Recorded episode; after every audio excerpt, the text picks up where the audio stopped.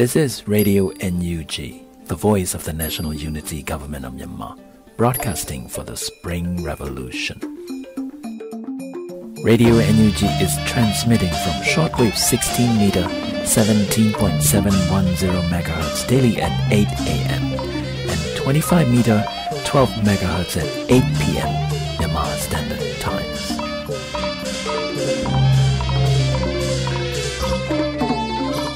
ဂလာပါခင်ဗျာအမျိုးသားညီညွတ်ရေးအစိုးရရဲ့အသံလွှင့်ဌာန Radio NUG ကိုမနေ့၈နာရီမှာလိုင်းဒိုမီတာ16မီတာ18.87 MHz ညဘက်မှာလိုင်းဒိုမီတာ25မီတာ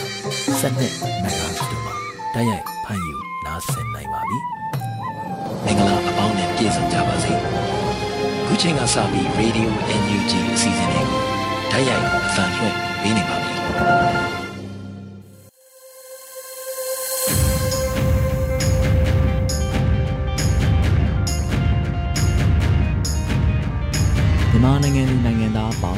ဘာဝပြီးဆရာနာရှင်ပြီးတို့ကနေကင်းဝေးပြီးကိုယ်စိတ်နှပါကျမ်းမာလုံးကြုံကြပါစေလို့ Radio NUG အဖွဲ့သားများကဆုတောင်းမေတ္တာပို့သလိုက်ရပါတယ်ခင်ဗျာ Radio NUG ရဲ့နေ့စဉ်သတင်းတင်ဆက်မှုတွေကိုစတင်ထုတ်လွှင့်တော့မှာဖြစ်ပါတယ်ယခုဆက်လက်ပြီးစက်တင်ဘာလ25ရက်ရပြည်တွင်သတင်းများကိုတင်ဆက်ပေးပါမယ်။ကျွန်တော်ကတော့နေဦးမှာပါခင်ဗျာ။ သတင်းကောင်းစင်တွေကတော့ရှမ်းပြည်မြောက်ပိုင်းရှိဆက်ဆောင်စခန်းတွင်ရိတ်ခါများပြက်လက်နေပြီးစံပြုတ်တာတောက်နေရတဲ့သတင်းပိတ်ခံထားရတဲ့တရုတ်နယ်စပ်ကုံသွယ်ရေးကမြမစီးပွားရေးကိုများစွာထိခိုက်နေတဲ့သတင်းပဲဖြစ်ပါတယ်။ယခုဆက်လက်ပြီးရှမ်းပြည်မြောက်ပိုင်းရှိစစ်ဆောင်စခန်းတွင်ရိတ်ခါများပြက်လက်နေပြီးစံပြုတ်တာတောက်နေရတဲ့သတင်းကိုတင်ဆက်ပေးပါမယ်။ရှမ်းပြည်မြောက်ပိုင်းအတွင်းရှိစစ်ပေးဆောင်စခန်းတွေမှာစစ်တပ်အာဏာသိမ်းပြီးနောက် လာရောက်ကူညီသူတွေနှဲပါလာတဲ့အတွက်စားနပ်ရိက္ခာပြက်လက်လာပြီးစံပြုတ်တွေသာတောက်နေရတယ်လို့စစ်ဆောင်ကူညီနေသူတွေစီကသိရပါတယ်။စစ်ပေးဆောင်တွေကရာနဲ့ချီရှိတယ်။အရင်ကိုဗစ်ကာလတုန်းကတော့စစ်ဆောင်ပြည်သူတွေကရွာထဲမှာနေစားအလုပ်တွေလုပ်ပြီးစားတောက်လို့ရသေးတယ်။အခုစစ်တပ်ကအာဏာသိမ်းပြီးနောက်ပိုင်းကူညီနေတဲ့အဖွဲ့အစည်းတွေလည်းလာလို့မရတော့စစ်ပေးဆောင်တွေမှာအခြေခံစားတောက်စရာတွေအရန်ခက်ခဲနေတယ်။စားစရာမရှိတော့စံပြုတ်တွေပဲတောက်နေရတယ်လို့သူကပြောပါတယ်။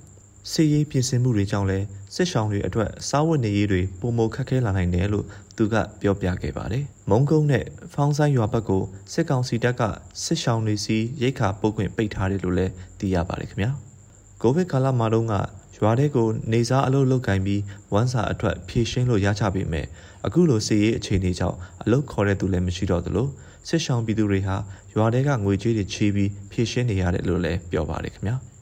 စစ်တပ်အာဏာသိမ်းပြီးနောက်ကုတ်ခိုင်မြို့နယ်အတွင်းမကြာခဏဆိုသလိုစစ်ပွဲတွေဖြစ်နေတာကြောင့်စစ်ဆောင်စခန်းကိုလာရောက်ကူညီနေသူတွေကိုလမ်းမှာတင်းကျပ်စွာစစ်ဆေးပြီးရိတ်ခါပို့ခွင့်ကိုပိတ်ထားတယ်လို့စစ်ဆောင်ကူညီသူထံမှသိရပါတယ်။လွန်ခဲ့တဲ့2021ခုနှစ်စက်တင်ဘာလ26ရက်ကကချင်တပ်မတော် KIA နဲ့စစ်ကောင်စီတို့အကြားကတိုက်ပွဲကြောင့်ထွက်ပြေးလာကြသူတွေဖြစ်ပြီးစခန်းမှာလူဦးရေ209ဦးအိမ်ထောင်စု36စုရှိပါတယ်။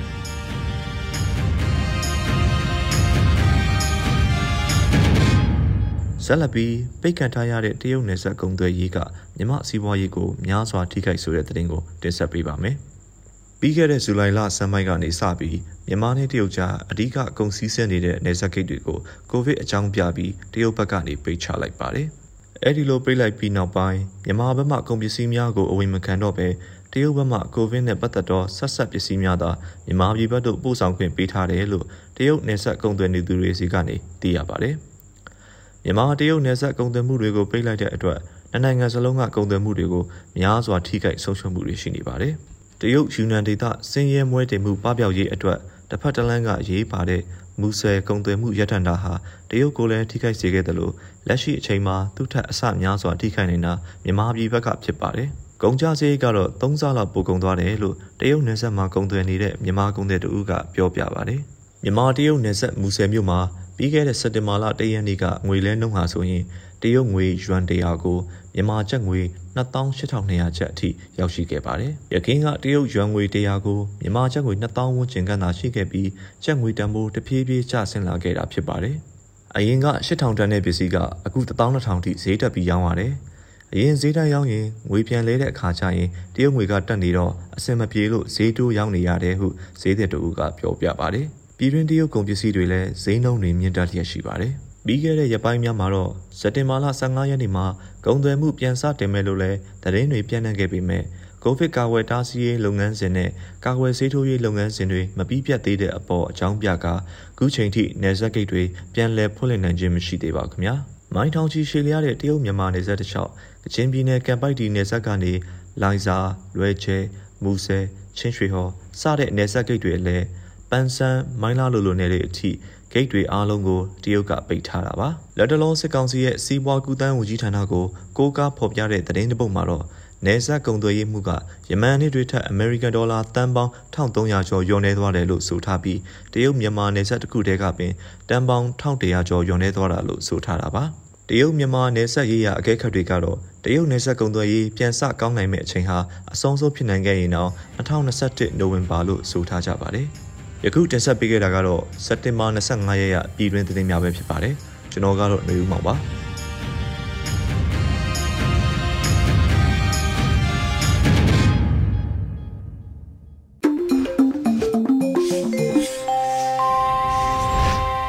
ရေဒီယိုအန်ယူဂျီမှာဆက်လက်အတန်းလွှင့်နေပါတယ်။ပြည်သူတိုက်ပွဲသတင်းများကိုကိုကျော်နေဦးမှတင်ဆက်ပေးတော့မှာဖြစ်ပါတယ်။ပထမဦးဆုံးတင်ဆက်ပေးချင်တာကတော့ ဖားကန့်မြို့နယ်လဝါကြီးရွာကိုခြိတက်လာတဲ့စစ်ကောင်စီစစ်ကြောင်းကို KIA ကမိုင်းခွဲတိုက်ခိုက်ပြီးတိုက်ပွဲဖြစ်ပွားခဲ့တဲ့သတင်းပါ။ကချင်ပြည်နယ်ဖားကတ်မြို့နယ်ဒွမ်ဘွန်းကြီးရွာကနေလဝါကြီးရွာဘက်သို့ခြိတက်လာတဲ့အကြမ်းဖက်စစ်ကောင်စီရဲ့အင်အားတရာခန့်စစ်ကြောင်းကိုကချင်လွတ်လပ်ရေးတပ်မတော် KIA ကယနေ့စက်တင်ဘာလ25ရက်နနက်9နာရီခန့်မှာမိုင်းဆွဲတိုက်ခိုက်ခဲ့ပြီး နှစ်ဖက်အပြန်အလှန်ပစ်ခတ်မှုတွေဖြစ်ပွားခဲ့တယ်လို့သတင်းရရှိပါရယ်စစ်ကောင်စီတပ်အင်အား100ကျော်ရှိအဖွဲ့ဟာဒွမ်ဘွန်းကြီးရွာဘက်ကနေခြေလျင်တက်လာခဲ့ရာလဝါကြီးရွာမရောက်မီရာဘာချန်အနီးမှာ KIA တပ်ရင်း20ကစောင့်ကြိုကစတင်မိုင်းခွဲတိုက်ခိုက်ခဲ့ပြီးနိုင်ဝက်ခန့်နှစ်ဖက်အပြန်အလှန်ပစ်ခတ်မှုတွေဖြစ်ပွားခဲ့တာမှာစစ်ကောင်စီတပ်တွေပြန်လည်ဆုတ်ခွာသွားတယ်လို့ကချင်သတင်းရင်းမြစ် KNG မှာဖော်ပြထားတာတွေ့ရပါတယ်။တိုက်ပွဲမှာနှစ်ဖက်အကြဆုံးစင်းအသေးစိတ်ကိုတော့လက်တလုံးမသိရှိနိုင်ပါဘူး။ ဆက်လက်ပြီးစစ်ကောင်စီတပ်နဲ့ KNL တို့တရက်အတွင်းတိုက်ပွဲ6ကြိမ်ဖြစ်ပြီးစစ်ကောင်စီဘက်က9ဦးသေဆုံးခဲ့တဲ့တဲ့တင်ကိုတင်ဆက်ပေးခြင်းပါတယ် ကရင်ပြည်နယ် KNU တပ်မဟာ9ထိန်းချုပ်ရာဖာပွန်ခရိုင်အတွင်းအကြမ်းဖက်စစ်ကောင်စီနဲ့ကရင်အမျိုးသားလွတ်မြောက်ရေးတပ်မတော် KNLA တို့စက်တင်ဘာလ23ရက်မှာတိုက်ပွဲ6ကြိမ်ဖြစ်ပွားပြီးစစ်ကောင်စီတပ်ဘက်က9ဦးသေဆုံးပြီး KNLA ဘက်ကထိခိုက်ကြဆုံးမှုမရှိဘူးလို့ KNU သတင်းရင်းမြစ်တူးလီမှာဖော်ပြခဲ့ပါတယ်။ဘူးတူမြို့နယ်ဘူးအားတဲ့ကြေးရွာအုပ်စုမြနော်လူကြေးရွာမှာတစ်ကြိမ်နနက်၈နာရီမှာဒွယ်လိုးမြို့ကတိုင်တီကြေးရွာအုပ်စုထွီသီးဦးမှာတစ်ကြိမ် နနက်8:40မိနစ်မှ10:10မိနစ်အချိန်ထိဘူးတုံမြို့နယ်ခေါပုတ်ကြေးရွာအတွင်းမှာတစ်ကြိမ်10နာရီခွဲမှာလူသောမြို့နယ်ဖလာခိုကြေးရွာအုပ်စုမှာတစ်ကြိမ်ညနေပိုင်းမှာဘူးတုံမြို့နယ်ပါဟဲ့ကြေးရွာအုပ်စုမှာတစ်ကြိမ်အပါအဝင်စက်တင်ဘာလ23ရက်တရက်ထဲမှာတိုက်ပွဲ6ကြိမ်ဖြစ်ပွားခဲ့တာပါအဆိုပါ23ရက်နေ့ညနေပိုင်းမှာကရင်နေကြားစောင့်တက်ဘိုးမောင်ချစ်ဥဆောင်တဲ့တပ်ရင်း139တပ်ဖွဲ့က ဖော်ထီခုတပ်စခန်းကိုအင်အား10ဦးခန့်ဖြင့်၎င်းစက်တင်ဘာလ24ရက်မှာ BGF တပ်တွေကကမာမောင်းမှကတိုင်တီတို့ကားလေးစီးခန့်ဖြင့်၎င်းအင်အားဖြစ်တင်ထားပြီး24ရက်နနက်7:00နာရီခန့်မှာလဲ KNU တပ်မဟာ9ဌာနချုပ်မူထရော်နီးတဝိုက်မှာလေရင်နဲ့လာရောက်ထောက်လန်းခဲ့တယ်လို့ပေါ်ပြထားတာတွေ့ရပါတယ်။ ရင်ပြည်နယ်ဒီမော့ဆိုမှာစစ်ကောင်စီတပ်ဖွဲ့နဲ့ပြည်သူ့ကာကွယ်ရေးတပ်များစက်တင်ဘာ25ရက်မနက်ပိုင်းကစပြီးတိုက်ပွဲပြင်းထန်နေကြောင်းသိရှိရပါတယ်။ကယားပြည်နယ်ဒီမော့ဆိုမြို့နယ်အတွင်းမှာရှိတဲ့ကုန်းတာကြီးရွာနဲ့တေးဆူလဲကြီးရွာအနီးမှာအကြမ်းဖက်စစ်ကောင်စီတပ်ဖွဲ့များက ပြည်သူပိုင်နေအိမ်များကိုအကာအကွယ်ယူကာအင်အားအလုံးအင်းနဲ့စက်တင်ဘာလ25ရက်စနေနေ့နနက်ပိုင်းကစပြီးထိုးစစ်ဆင်တိုက်ခိုက်နေကြောင်းဒီမော့ဆို PDF KNDF KA ပူးပေါင်းတပ်ဖွဲ့များကပြန်လည်ခုခံခြင်းကြောင့်တိုက်ပွဲများပြင်းထန်လျက်ရှိကြောင်းပြည်သူ့ကာကွယ်ရေးတပ်ဒီမော့ဆိုမြို့နယ်ထုတ်ပြန်ချက်အရသိရပါဗျ။ဒီမော့ဆိုမြို့နယ်ဒေါငန်ခါကြီးရွာကို အင်အား200ခန့်ပါဝင်တဲ့စစ်ကြောင်းထိုးခဲ့တဲ့အကြမ်းဖက်စစ်ကောင်စီတပ်ဖွဲ့နဲ့ဒီမော့ဆို PDF KNDF KA ပူးပေါင်းအဖွဲ့တွေဒီမော့ဆိုမြို့နယ်ကုန်းတာကြေးရွာနဲ့တေးဆူလဲကြေးရွာနားမှာနနက်9နာရီကစပြီးအခုချိန်ထိတိုက်ပွဲအပြင်းထန်ဖြစ်ပွားနေပါတယ်။အကြမ်းဖက်စစ်ကောင်စီတပ်ဖွဲ့တွေကပြည်သူအိုးအိမ်အချို့ကိုဖျက်ဆီးနေရာယူထားတယ်လို့ပြည်သူ့ကာကွယ်ရေးတပ်ဒီမော့ဆိုမြို့နယ်ထုတ်ပြန်ချက်မှာပါရှိပါတယ်။ အကြမ်းဖက်စစ်ကောင်စီတပ်ဖွဲ့များဟာတာဝေးပစ်ကြီးများကိုပါအုံပြုပစ်ခတ်နေပြီးနှစ်ဖက်ကြာဆုံးမှုကိုလက်ရှိအချိန်ထိအတိမပြုနိုင်နေပါဘူးခင်ဗျာရေတော်ဘုံအောင်ရမည်ရေတော်ဘုံအောင်ရမည်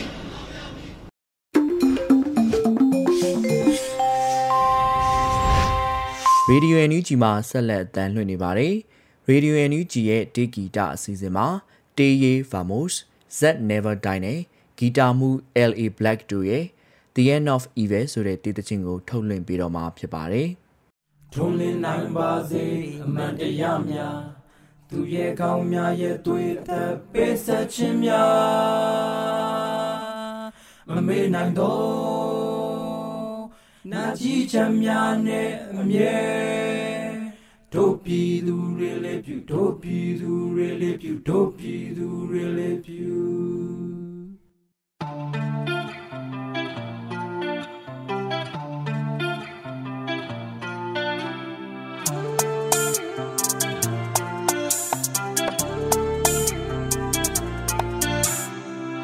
မွေရပါတရုတ်ချက်ကဆိုပြီးသားမို့တွန်းနိုင်ငံရဲ့တကိုကြီးပြားတွေတကိုကြီးများရဲ့လောဘကြောင့်ကျွေးရောက်နေညိုပြီးသွားလို့ခွဲလိုက်ပေါ့သခိုးပါဝါအာနာမျိုးပါသာသာနာအစိုးရောက်တဲ့ငရေကြီးရှစ်တမကြိုးတို့တဲ့ဟိုလာလာလာကျွေးတယ်လက်ကိုပြန်ကြိုက်တွေ့နေတဲ့ပတရတာတတ်တော်သာကျေရောင်တန်နေတဲ့ယုံညံဆုံးစုတွေတက်ရလာချက်ကမပါလာလာလာလာကောင်းဆောင်မျိုးသမီးရဲ့ထက်စင်ကိုပတ်ရမှာပြင်မဲ့ပြည်သူတွေပေါ့ဦးဆုံးကျတက်ကြကွာမိတ်စပလူတွေအာနာစိတ်မရှိ စိတ်မကြဘူးပြည်သူကြိတ်တာတိတ်ကဆူတော့ပိတ်တမျိုးလို့ငဲလိုက်ရအတွက်အခုတို့ကြိတ်ကဆူဆူဆူဆူငါတို့နိုင်တယ်ပြီလေမင်းတို့ပဲ China နဲ့ Russia ကြီးဖင်ပြက်ကြီးကို Infinity Stone တွေလုံးငါတို့စိတ်တက်ခွန်အားနဲ့တမေပြန်ပြီးကြို့အဖဖကရှုံးရှမ်းမဲ့တမကြတော့လူမဆန်ရက်စကြတော့အသားတွေကလောက်ထွက်တယ်ဟေးအဖဖကရှုံးရှမ်းမဲ့တမကြတော့လူမဆန်ရက်စကြတော့အသားတွေကလောက်ထွက်တယ်ဟေး အိမ်တော့ကွယ်လေအိုးအိုးအိုးနိုင်ငံလုံးရဲ့ချီတဲ့ကျွေးမလို့အိမ်တော့ကွယ်လေအိုးအိုးအိုးအိုးနိုင်ငံလုံးရဲ့ချီတဲ့ကျွေးမလို့ခဏစနေတဲ့တဘွားစနေလဲမကြမီလာမီလာမီလဲကြောင်ရွဲတဲ့လဲကြောင်ရွဲတဲ့လဲကြောင်ရွဲတဲ့လဲကြောင်ရွဲတဲ့အိမ်တော့ကွယ်လေအိုးအိုးအိုးအိုးနိုင်ငံလုံးရဲ့ချီတဲ့ကျွေးမလို့အိမ်တော့ကွယ်လေအိုးအိုးအိုးအိုးနိုင်ငံလုံးရဲ့ချီတဲ့ကျွေးမလို့ခဏစနေတဲ့တဘွားစနေလဲမကြမီလာမီလာမီ လဲကြောင်ရွဲတဲ့လဲကြောင်ရွဲတဲ့လဲကြောင်ရွဲတဲ့လဲကြောင်တိုးတက်နေစေနိုင်ငံလေးကချန်ပီယံများလူတွေကြောင့်ချောက်သေးကိုပြုတ်ကျဒီနိုင်ငံကလူသားတွေလည်းမျိုးနဲ့ချက်မထဲထက်မြလူတန်းသားမျိုးဒုက္ခနဲ့ခံရတယ်တာဝန်တွေကိုစီးတဲ့ချင်တဲ့ဆန္ဒကျင်တဲ့လူစုကဒုက္ခတွေပေးပြီးတော့ရုံးမှန်ကြံကြတယ်နေဆုံးလို့နေကလူတွေရုံးထပ်ပြန်ကြွလာပြီးရုံးမှကင်းတဲ့လူတွေဆုံးမလုံးသမျှပြန်ခံရမယ်ចောင်းသားတွေကတောင်းလက်ကိုလွှင့်လာပြီးပြည်သူတက်မတော်ကလည်းစစ်ချင်ကြပြီဘလောက်ပဲချက်တွေသုံးဘလောက်မြင့်တွေကြာကြီးတိဆောက်ခဲ့ပါစေအမှန်တရားကနိုင်ပြနေမှာတိထားစီလုံးချင်းနဲ့နိုင်ပဲဘုဒ္ဓလက်မပုတ်ကိုထွက်လာခဲ့တဲ့လက်နက်မဲ့တွေကိုမင်းတို့သနက်တင်နဲ့ပြည့်ចောင်းချင်းကိုကောင်းတဲ့သွေးပြီးအောက်ထုတ်ချင်တဲ့ကောင်းတွေအားလုံးဒူလိုက်တော့2017မှာနေရာရှိထိန်းသိမ်းနေဆိုတဲ့လင်းစင်းနဲ့နောက်ပဲနှစ်နှစ်ပဲချိန်တီရုံးရရကြသေးလေပြောင်းရတာမှုချင်းကိုတစ်ဖက်ဆောင်နေရကိုတဲမဖို့တဲတပွင့်အိုးချက်ဖြစ်ငါစီးမယ်အိမ်နောက်ဝင်တန်းတွေကအင်ရှက်တက်ခွင့်ကောင်းယူချင်တာမျိုးဖျားတို့ကိုလုံးရက်တယ်စစ်ကြုံဥပဒေအားလုံးကိုချိုးဖြတ်နှောင်းလာမယ့်မျိုးဆက်တို့စစ်ဆိုးဆုံးတတ်မယ်ပြည်သူဘက်ကဘလောက်နိုင်ချင်များလဲဆိုမလေးပတ်နိုင်တဲ့ထီလုံးငယ်တွေကသက်တည်ပဲမင်းတို့လည်းရေးသမျှခြေကဖြတ်နေမယ်တမ်းတည်ပြပုံကဲဆက်ရွေ့မယ် တောက်တိုင်နေအားလုံးလောက်ခိုင်နေတာအချိန်တစ်ခုရောက်ရင်ပြည်သူအပေါင်းနိုင်သွားမယ်အနာယူနဲ့ခေါင်းမနေရပေါင်းပါတွေတင်မနေကိုပြက်ကတိကြီးဆောင်ဆိုင်နေကြဆိုင်နေကြအိမ်တော့ကွယ်လေအိုးအိုးအိုးနိုင်ငံလုံးရဲ့ချီတဲ့ကျွေးမလို့အိမ်တော့ကွယ်လေအိုးအိုးအိုးနိုင်ငံလုံးရဲ့ချီတဲ့ကျွေးမလို့ခဏစနေတဲ့တပွားစနေလဲမကြမီလာမီလာမီ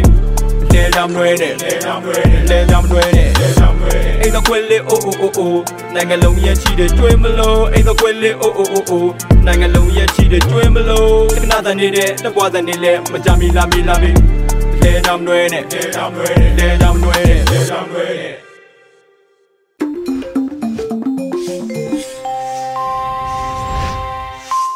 Radio NUG မှာဆက်လက်အသံလွှင့်နေပါတယ်။ Radio NUG ရဲ့ဆောင်းပါးကဏ္ဍမှာ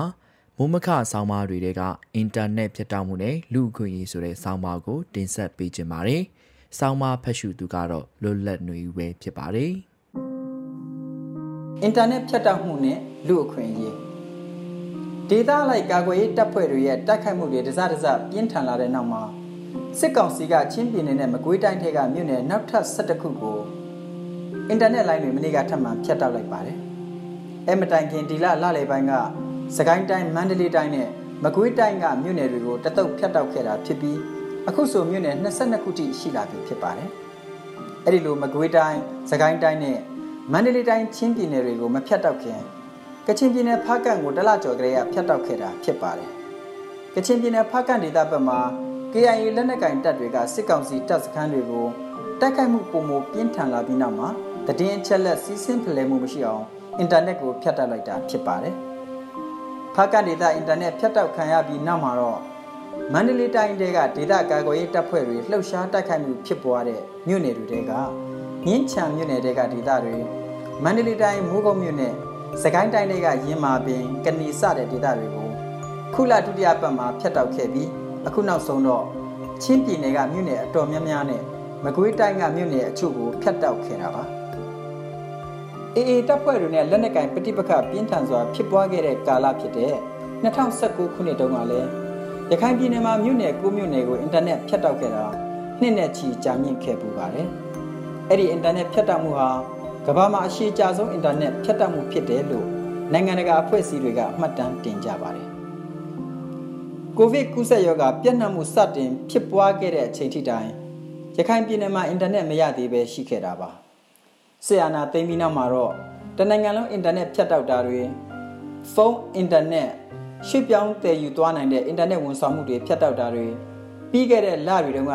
ဖြစ်ပျက်ခဲ့ရာကအခုတော့ အင်တာနက်ဖြတ်တောက်မှုတွေကိုဒေတာလိုက်မြို့နယ်လိုက်လှုပ်ဆောင်လာတာဖြစ်ပါတယ်။အင်တာနက်ဖြတ်တောက်တဲ့ရည်ရွယ်ချက်ကလူလူဆန္ဒပြမှုတွေကိုမပြတ်နှံ့စေချင်တာ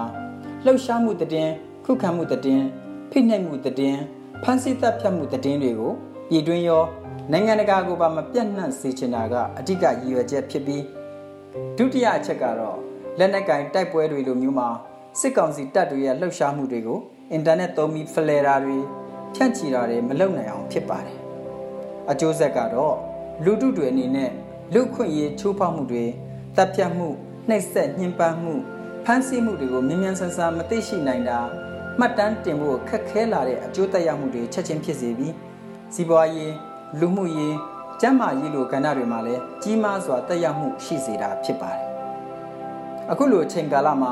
နိုင်ငံရေးစီးပွားရေးတွေမကပဲကိုဗစ်နဲ့ပတ်သက်တဲ့အကြံဉာဏ်ရယူမှု အွန်လိုင်းကနေအကြံပေးကုသမှုတွေခံယူလို့ရှိကြတာမို့အင်တာနက်ဖြတ်တောက်မှုကကျန်းမာရေးကဏ္ဍကိုပါထိခိုက်စေတာဖြစ်ပါတယ်စစ်ကောင်စီအနေနဲ့တော့နိုင်ငံရေးစစ်ရေးအသာစီးရဖို့အတွက်ထိခိုက်မှုတွေအင်တာနက်တွေဆိုတာအခြေခံလူခွင့်ရေးဖြစ်သတ်မှတ်တဲ့စံနှုန်းတွေဘာကူမှငဲ့ကွက်မှာမဟုတ်ပဲလှုပ်ဆောင်နေတာဖြစ်ပါတယ်အခုလိုအင်တာနက်ဖြတ်တောက်မှုဟာဘယ်လောက်ထိကြာမြင့်နိုင်တယ်လဲ ဘယ်ဒေတာတွေမှာဘယ်ထိပြန့်နှံ့လာနိုင်တယ်လဲဆိုတာအခုချိန်ထိဘယ်သူမှမပြောနိုင်သေးပါဘူးအခုထိလက်နက်ကင်ပြိပခါတွေပုံမကျေပြန့်လာရင်စီးပွားရေးဗန်လုပ်ငန်းတွေထိခိုက်မဲ့အရေးလဲထက်တော့မှာမဟုတ်ပဲအားလုံးတိမ်ကြုံဖြတ်တောက်တာမျိုးတွေလည်းဖြစ်ပွားလာနိုင်ခြေရှိနေတာဖြစ်ပါတယ်အင်တာနက်ဖြတ်တောက်မှုအပြင်အခြားသတင်းတွေနဲ့ထူးခြားတဲ့သတင်းကတော့စကိုင်းတိုင်းဒေသအချို့မှာကြေးရွာလိုက်ပြောင်းရွှေ့ဖို့စစ်ကောင်စီကဖိအားပေးနေတဲ့သတင်းဖြစ်ပါတယ်။ အရာတော်မြို့နယ်တွေကကြေးရွာ9ရွာကိုပြောင်းရွှေ့ဖို့ကြီးညာပြီးမန္တလေးတိုင်းတွေကစင်ကူးမြို့နယ်ထဲကကြေးရွာတရွာကိုလည်းရွှေ့ပြောင်းဖို့အသိပေးထုတ်ပြန်ထားတယ်လို့သတင်းတွေထဲကတွေ့ရပါတယ်။အရာတော်မြို့နယ်တွေကကြေးရွာ9ရွာကိုစစ်ကောင်စီကရက်ပိုင်းတွင်အပီးပြောင်းရွှေ့ပေးဖို့နဲ့သူတို့သတ်မှတ်တဲ့နေရာကိုပြောင်းရွှေ့ဖို့ကြီးညာထားတယ်လို့သတင်းမှာဖော်ပြထားပါတယ်။ကြေးရွာတွေကိုခုလိုနေရာသစ်ရွှေ့ခိုင်းတာဟာတစ်ချိန်တစ်ခါမှမဖြစ်ပျက်ဘူးတဲ့အဖြစ်တွေတော့မဟုတ်ပါဘူး။ ပြည်တွင်းစစ်ပွဲတွေတွင်ကရင်ပြည်နယ်မှာရွာတွေမိရှို့ပြီးပြောင်းရွှေ့ခိုင်းတာရှိခဲ့တယ်လို့ကချင်ပြည်နယ်မှာလည်းဖြစ်ပျက်ခဲ့ပူပါတယ်။အနည်းဆုံးဖြစ်ပျက်ဆိုရင်တော့2016နဲ့2019ရခိုင်ရိုဟင်ဂျာရေးဖြစ်ပွားစဉ်ကလည်းရိုဟင်ဂျာကြေးရွာများပြားကိုမိရှို့ပြီးမနေနိုင်အောင်လုပ်ခဲ့ကြတဲ့အဖြစ်အပျက်တွေရှိပါတယ်။လူပေါင်း9သိန်းလောက်ထွက်ပြေးတဲ့အဖြစ်အပျက်မှာအယက်သားတွေအစုလိုက်အပြုံလိုက်တပ်ဖြတ်ကြေးရွာတွေမိရှို့တဲ့အဖြစ်အပျက်တွေကအကြောင်းခံခဲ့တာဖြစ်ပါတယ်။ အခုခါမှာတော့အလားတူဖြစ်ပျက်မျိုးတွေကမြန်မာနိုင်ငံတဲကဗမာလူမျိုးတွေအများစုနေထိုင်ကြတဲ့စကိုင်းတိုင်းမန္တလေးတိုင်းတို့မှာဖြစ်ပွားလာနေပြီးနောက်လည်းအခြားဒေသတွေမှာဖြစ်ပွားနိုင်ခြေရှိနေပါတယ်။ဒီလိုတပ်ဖြတ်မှုတွေမိရှို့မှုတွေကိုနိုင်ငံတကာကကန့်ကွက်ရှုတ်ချတာမျိုးပဲတတ်နိုင်ပြီးဖြစ်ပျက်နေချိန်မှာတကယ်တမ်းတော့တားဆီးနိုင်ခြင်းမရှိပါဘူး။ရခိုင်ပြည်နယ်မြောက်ပိုင်းဖျားပေါင်းကြီးရွာမိရှုခံရတဲ့ဖြစ်ပျက်တွေကိုလည်းမဝေးတဲ့အတိတ်မှာလက်လက်ဆက်ဆက် ရှိနေပါသေးတယ်။ဒီလိုဖြစ်မျိုးမဖြစ်အောင်ဘယ်လိုကာကွယ်ကြမလဲဆိုတာမိကွန်းအနေနဲ့တော့မေးရန်လွယ်ပေမဲ့အဖြေကခက်ခဲနေစေလဲဖြစ်ပါတယ်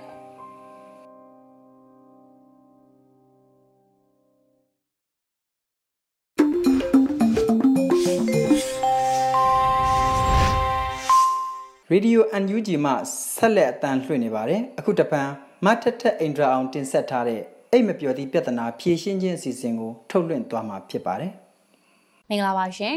အခုချိန်မှာ COVID-19 ရဲ့နောက်ဆက်တွဲဆိုးကျိုးဖြစ်နေဒီအိတ်မပြောတာတွေနောက်တစ်ခုကကျတော့လက်ရှိဖြစ်ပေါ်နေတဲ့ဒီနိုင်ငံရေးစီးပွားရေးအခြေအနေတွေကြောင့်အတွေးတွေများပြီးတော့အိတ်မပြောတဲ့လူတွေလည်းအများကြီးရှိနေတာကိုဒါကျမတို့ကြားရပါတယ် ဒါကြောင့်ဒီလိုအိမ်မပြောတာကိုဘယ်လိုမျိုးကြော်လွှားမလဲဘာတွေလုပ်တင်လဲဆိုတာမျိုးတွေကိုပြောပြပေးမှာပါအဓိကကတော့ဒါစိတ်ဖိစီးမှုကိုညှော်နေအောင်လုပ်ရပါမယ်နောက်တစ်ခုကကျတော့စိတ်ကိုအသက်နိုင်ဆုံးဒီအိတ်ခန့်နီးမှာပေါ့နော်ကြီးကြီးလင်းလင်းထားပြီးတော့အိတ်မယ်ဆိုလို့ရှိရင်လည်းကောင်းကောင်းမွန်မွန်အိတ်ပြောနိုင်ပါတယ် နောက်တစ်ခုကကြတော့ကိုကဒါဝေဒနာတစ်ခုခုကြောင့်အိမ်မပြောနိုင်တာမျိုးတွေရှိတတ်တယ်ဘယ်လိုမျိုးလဲဆိုတော့ဒါသွားကြိုက်တာမျိုးကိုလက်ကြိုက်ခဲတာမျိုးပြီးရင်ပန်းနိုင်ရင်ချက်ရှိတဲ့သူချောင်းဆိုးနေတဲ့သူတွေမျိုးဆိုလို့ရှိရင်လည်းဆရာဝန်တွေနဲ့အလှမ်းဝင်းနေမယ်ဆိုလို့ရှိရင်တော့အမျိုးသားညီညွတ်ရေးအစိုးရကျန်းမာရေးဝန်ကြီးဌာနကနေပြီးတော့ဖွင့်လှစ်ထားတဲ့ဒီ Telegram မှာတို့လိုမျိုးဒီ Facebook page တွေမှာတွားရောက်ပြီးတော့ဒီဆရာဝန်နဲ့လူနာနဲ့ဓာတ်ရိုက်တွေ့ဆုံပြီးတော့ဒီအကြံဉာဏ်တွေလည်းတောင်းခံနိုင်တယ်မြင်မြင်ပြီးတော့ကုသလို့ရပါတယ်ရှင်။ အခုဆက်ပြီးတော့ကောင်းကောင်းမွန်မွန်အိတ်ဆက်အနားယူနိုင်ဖို့အတွက်လုပ်ရမယ့်အလေးချိန်ကောင်းလေးတွေကိုလည်း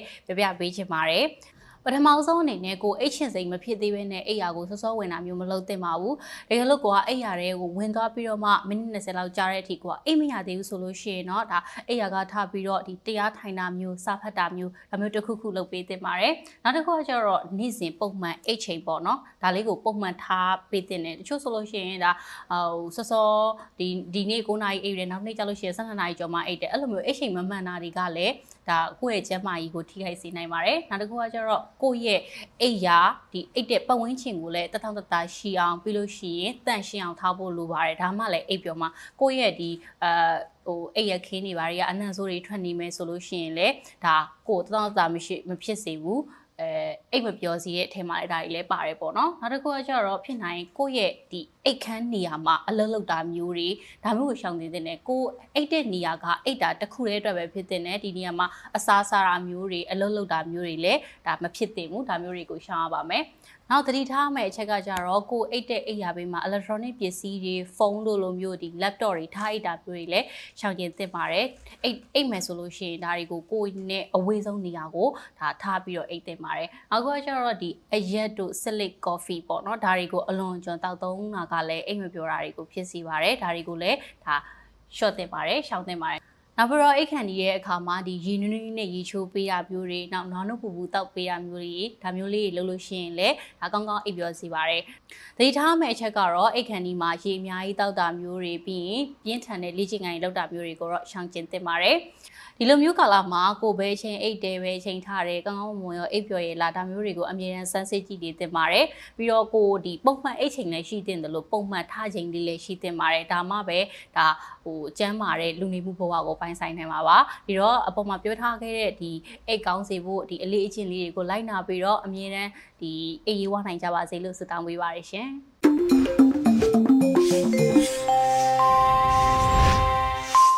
This is Radio NUG. Radio NUG အစီအစဉ်။ဒါရိုက်ဆန်ဖွင့်ပြီးနေပါခုအချိန်ရောက်စပြီးဝီဒီယိုအမျိုးကြီးရဲ့ဗီဒီယိုကိုတင်ဆက်ပေးရမှာဖြစ်ပါတယ်ရှင်။ကျမဝေဝေပြ။ Radio NUG အစီအစဉ်များအားနေ့စဉ်မြန်မာစံတော်ချိန်နနက်၈နာရီချိန်တွင် line to 16မီတာ19.8 MHz တွင်ဖမ်းယူနိုင်ပြီး ညနေပိုင်းစီစဉ်များကိုနေ့စဉ်မြန်မာစံတော်ချိန်ညနေ၈နာရီချိန်တွင်လိုင်းတို25မီတာ12 MHz တို့တွင်ဖမ်းယူနားဆင်နိုင်ပါတယ်ရှင်။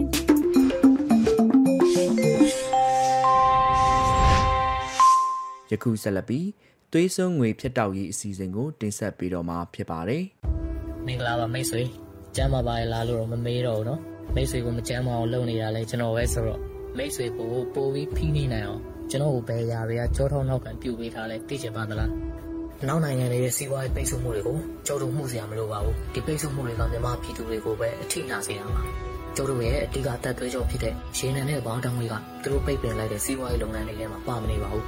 မိတ်ဆွေဘသူကမှပြန်မပြောနိုင်တော့2021-2022ဘဏ္ဍာနှစ်မှာ ရေနံနဲ့တဘောင်းတောင်ဝေးကနေအမေရိကန်ဒေါ်လာတန်ပေါင်း1500ကျော်အကျိုးမြတ်ရမယ်လို့ခန့်မှန်းထားပါတယ်မြန်မာရေနံနဲ့တဘောင်းတောင်ဝေးလုပ်ငန်းစုရဲ့ဘဏ်အကောင့်တွေကလည်းကျွန်တော်တို့လက်ထဲမှာဆိုတော့ဒီဝင်ငွေအကုန်လုံးကျုပ်တို့ကြိုက်သလိုစီမံခန့်ခွဲလို့ရနေမှာပေါ့ဗျာရေနံနဲ့တဘာတောင်းဝိတ်လုပ်ငန်းကြီးတွေအကြောင်းနားလည်အောင်ရင်ရှင်းပြမယ်ကျုပ်တို့အားထားနေရတဲ့ရေနံနဲ့တဘာတောင်းဝိတ် project ကြီး၄ခုရှိတယ်ဒါတွေကတော့မိုးဒမပင်လေကွေကရှရနာရဲကောင်ဇော်ဒီကတဘာတောင်းဝိတ်စီမံကိန်းတွေဖြစ်ပြီးတော့အဲ့ဒီစီမံကိန်းတွေကနေတရက်ကိုတဘာတောင်းဝိတ်ကူပါပဲတန်1280ထွက်ပါတယ် ရဲကောင်စီမံကိန်းကအခုချိန်မှာရန်နာထားပြီးတော့ရတနာနဲ့ဇော်ဒီကာကပြန်များအဖြစ်80မှ80ရာခိုင်နှုန်းကိုထိုင်းလန်ကိုတင်ပို့ရောင်းချပြီးတော့ကြံနဲ့ကြံရှိသောရာခိုင်နှုန်းကိုပြည်တွင်းမှာအသုံးချပါတယ်။နောက်ဘင်္ဂလားပင်လယ်ဟောရွှေတဘောတံငွေလောက်ကွက်ကနေတရုတ်ကိုတဘောတံငွေကူပါပေတန်း900ထွက်ပါတယ်။ဒီကထွက်တဲ့တဘောတံငွေရဲ့80ရာခိုင်နှုန်းကိုတရုတ်ပြည်ကိုရောင်းချပြီးတော့20ရာခိုင်နှုန်းကိုပြည်တွင်းမှာအသုံးချပါတယ်။ မြန်မာပြည်ကထွက်ရှိတဲ့တဘောတံငွေတွေကိုနှစ်ရှည်စာချုပ်နဲ့အဓိကထားဝင်နေတာကတော့တရုတ်နဲ့ထိုင်းနိုင်ငံတို့ပဲဖြစ်ပါတယ်။နှစ်စဉ်ဒေါ်လာဘီလီယံရှိဝင်ငွေကိုတဘောတံငွေတင်ပို့မှုကနေရနေရပါဘူး။ပြည်တွင်းအတွက်အသုံးချမှုလို့ဆိုတဲ့အခါမှာလည်းတပ်ပါစီးပွားရေးလုပ်ငန်းတွေခရိုနီလုပ်ငန်းတွေလည်းပတ်ဖို့လိုအပ်တဲ့စွမ်းရည်ဖြည့်ဆည်းပေးုံတတ်တတ်လို့အောင်ပြောလို့ရပါတယ်။ပြည်သူတွေအတွက်လင်းစင်ပြီးဖြန့်ဖြူးပေးုံကလွယ်ရင်တဘောတော်တွေကရတဲ့အကျိုးမြတ်တွေပြည်သူတွေကိုလုံးဝခံစားဖို့မပေးတာပါဘူး။ကျောက်တို့စေအုပ်စုကအဲ့ဒီပတ်စံတွေကိုအရင်ကတည်းကကိုကျိုးတစ်ခုတည်းအတွက်အသုံးချခဲ့တာပေါ့ဗျာ။ ခင်ဗျားတို့မသိသေးတဲ့လောက်ကွက်လေးပြောပြမယ်။2000ခုနှစ်မှာဒိုနေဂျင်နယ်ကုမ္ပဏီရဲ့ရတနာလောက်ကွက်ကနေ PTT ကတဘောတော်ငွေဒေါ်လာတန်းတရာဝင်ဝယ်တယ်။2010ဆိုတော့တန်းရွှေလက်ထပ်ပေါ့။ရောင်းဝယ်ဖြစ်ပြီးတော့တပတ်အတွင်းမှာပဲအဲ့ဒီကရတဲ့နိုင်ငံပတ်စံတွေကိုပိုက်ရုရှားတို့အမကြီးတွေ့တဲ့နိုင်ငံဆယ်စီကိုတက်တက်ပြီးဝယ်လိုက်တယ်။ကဲမပိုင်ဘူးလား2000ခုနှစ်ကနေ2009ခုနှစ်အထိတိုတယ်ရေနံကုမ္ပဏီရဲ့ရတနာလောက်ဘက်ကရတဲ့အကျိုးမြတ်အမေရိကန်ဒေါ်လာတန်ပေါင်း4830ကျော်ကိုနိုင်ငံတော်ဘတ်ဂျက်မှာတော့တန်30ပဲပြခဲ့တယ် 69ရာခိုင်နှုန်းကိုစစ်တပ်အရက်ထဲထည့်တာပေါ့အဲ့ဒီ69ရာခိုင်နှုန်းကိုနိုင်ငံတော်ဘတ်ဂျက်စီးရင်တွေကနေပြောင်းနေအောင်မြန်မာကျပ်ငွေတန်ဖိုးကစားပြီးတော့ exchange rate manipulation လုပ်ခဲ့တာပေါ့ဥပမာ2000ခုနှစ်ကာလတွေမှာပြင်ပဒေါ်လာဈေး800ဖြစ်နေတဲ့အချိန်မှာတရားဝင်ဒေါ်လာဈေးကဒေါ်လာကိုမြန်မာငွေ6ကျပ်ပဲရှိနေရမျိုးပေါ့ euro exchange rate လို့လည်းခေါ်တယ်ဒါကလည်းခိုးကောင်းအောင်လုပ်ထားတာ ရင်းနဲ့တဘာတံငွေကရတဲ့အကျိုးမြတ်တွေယူပြီးပြီးပြီလားဆိုတော့မပြီးဘူးရစစ်တုံးတွေကနိုင်ငံတော်အသုံးစရိတ်ရဲ့အကြီးမားဆုံးအသုံးစရိတ်တွေရှိနေပါတယ်နိုင်ငံရဲ့အရေးကြီးဆုံးကဏ္ဍတွေဖြစ်တဲ့ပညာရေးကျန်းမာရေးနဲ့လူမှုပူလုံရေးအတွက်နိုင်ငံတော်အသုံးစရိတ်က12.5ရာခိုင်နှုန်းပဲရှိနေတဲ့အချိန်မှာကျောင်းတို့စစ်အသုံးစရိတ်က15ရာခိုင်နှုန်းထိရှိနေတာပါ တိုင်းပြည်ရဲ့နိုင်ငံသားဝင်ငွေ90ရာခိုင်နှုန်းနီးပါးကစွမ်းအင်ရေနံနဲ့သဘာဝတံငွေကရတာပါစစ်တဲ့အတွက်အသုံးစရိတ်ကလည်း15ရာခိုင်နှုန်းတောင်းတယ်ခိုးထားတဲ့ပတ်စံကလည်းတိုင်းပြည်ရဲ့နိုင်ငံသားဝင်ငွေ90ရာခိုင်နှုန်းရှိရဲ့ရေနံနဲ့သဘာဝတံငွေကရတဲ့ဝင်ငွေရဲ့69ရာခိုင်နှုန်းဆိုတော့နှစ်စဉ်တိုင်းပြည်ဘဏ္ဍာရဲ့80ကနေ80ရာခိုင်နှုန်းနီးပါးကိုစစ်တပ်တခုတွေကသုံးနေတယ်လို့ပြောလို့ရပါတယ်အာနာသိန်းမှုထပ်မံဖြစ်ပွားပြီးနောက်ပိုင်းမြန်မာစစ်တပ်ကလူခွင့်ရေးချိုးဖောက်မှုတွေပုံမလှုပ်ဆောင်လာပါတယ်ဆိုပြီးတော့ပြောကြတယ်။ မှန်တိုင်းပြောရင်လူခွင့်ရေးချိုးဖောက်တယ်ဆိုတာလေကျုပ်တို့စစ်တပ်ရဲ့ရင်ချင်းမှုပဲလေ။ဆိုတော့ကျုပ်တို့ကိုအားနဲ့အောင်မလုပ်နိုင်သေးဘူး။ကျုပ်တို့စစ်တပ်ကိုကြီးမားစွာထောက်ပံ့ပေးနေတဲ့တဘာတော်ငွေစီမံကိန်းတွေမှာ joint venture လုပ်နေတဲ့ Total Chevron အစရှိတဲ့နိုင်ငံတကာကုမ္ပဏီကြီးတွေကငွေတွေပေးနေတဲ့မြန်မာပြည်သူတွေကတော့ကောင်းမပေါ်နိုင်အောင်ဖိနှိပ်ခံနေရအောင်မှာပဲဖြစ်ပါတယ်။